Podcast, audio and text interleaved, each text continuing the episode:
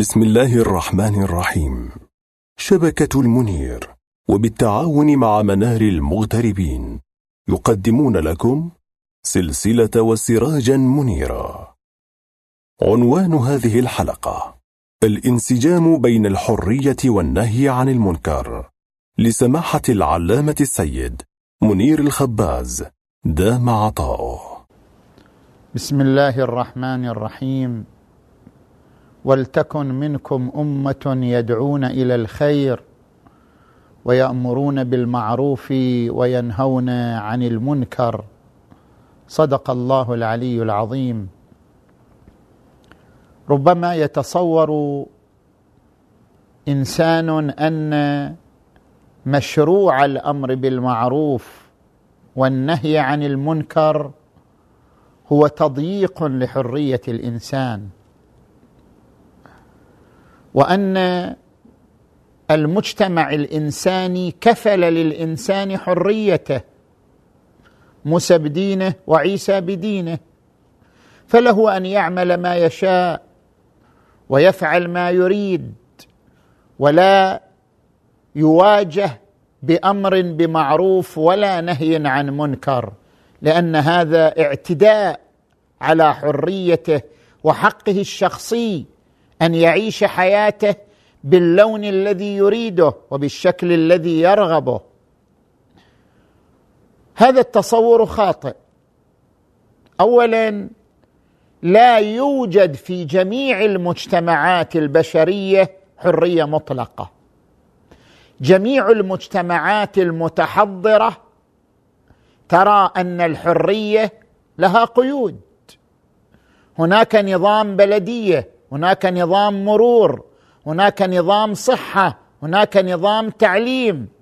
لا يمكن لإنسان أن يخترق هذه الأنظمة بحجة الحرية المطلقة. لا توجد عندنا حرية مطلقة. وما يقال الحرية هي أن لا تعتدي على حرية الآخر. أي أن لك الحرية في كل شيء بشرط أن لا تعتدي على حرية الآخر. هذه كلمة غير دقيقة. الحرية التي تؤمن بها المجتمعات المتحضرة الحرية في إطار المصلحة العامة. أنت حر ما لم تضر بالمصلحة العامة. لست حرا أن تخترع وأن تخترق وأن تتجاوز النظم والقوانين. لست حرا أن تهين الآخر أن تعتدي على الآخر.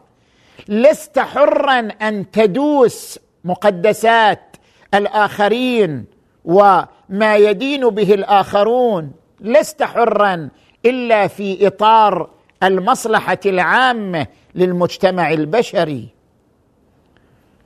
ثانيا عندما تقول الآية المباركة ولتكن منكم أمة يدعون إلى الخير ويأمرون بالمعروف وينهون عن المنكر. ليس المعروف خصوص الواجبات المستحبات معروف.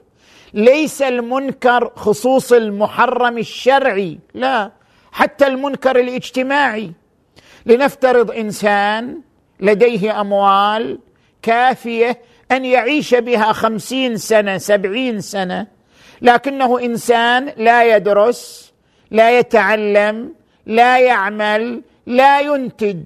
هذا لم يرتكب منكر شرعي لكنه ارتكب منكرا اجتماعيا. وضعه الحياتي يضر بالمجتمع. هذا عضو مشلول. هذا إنسان يعتبر عضوا مشلولا لا يخدم المجتمع لا يقدم نتاجا للمجتمع. هذا لم يرتكب منكرا شرعيا لكنه ارتكب منكرا اجتماعيا. لأجل ذلك يشمله الآية أنه ينهى عن هذا المنكر لأنه يعطل حركته يعطل قدراته يعطل خبراته وإنتاجه ويحصر نفسه فقط في المعاش. ولتكن منكم أمة يدعون إلى الخير ويأمرون بالمعروف وينهون عن المنكر.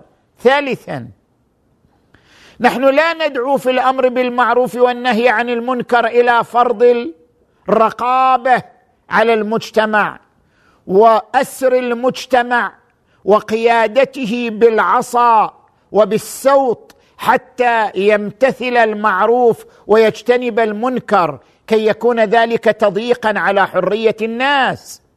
الأمر بالمعروف والنهي عن المنكر رسالة إنسانية رسالة توعية رسالة إيقاظ رسالة تنبيه.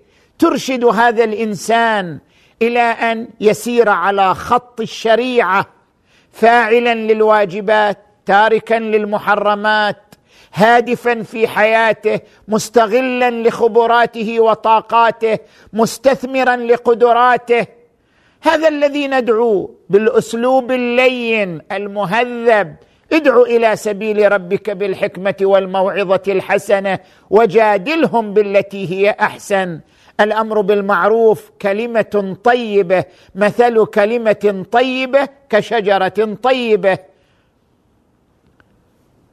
كمثل شجرة طيبة ليس المقصود بالأمر بالمعروف إلا هذه الرسالة الحيوية اللينة المهذبة المشفوعة بالبسمة وحسن الخلق والتواضع والكلمة الهادفة والحمد لله رب العالمين.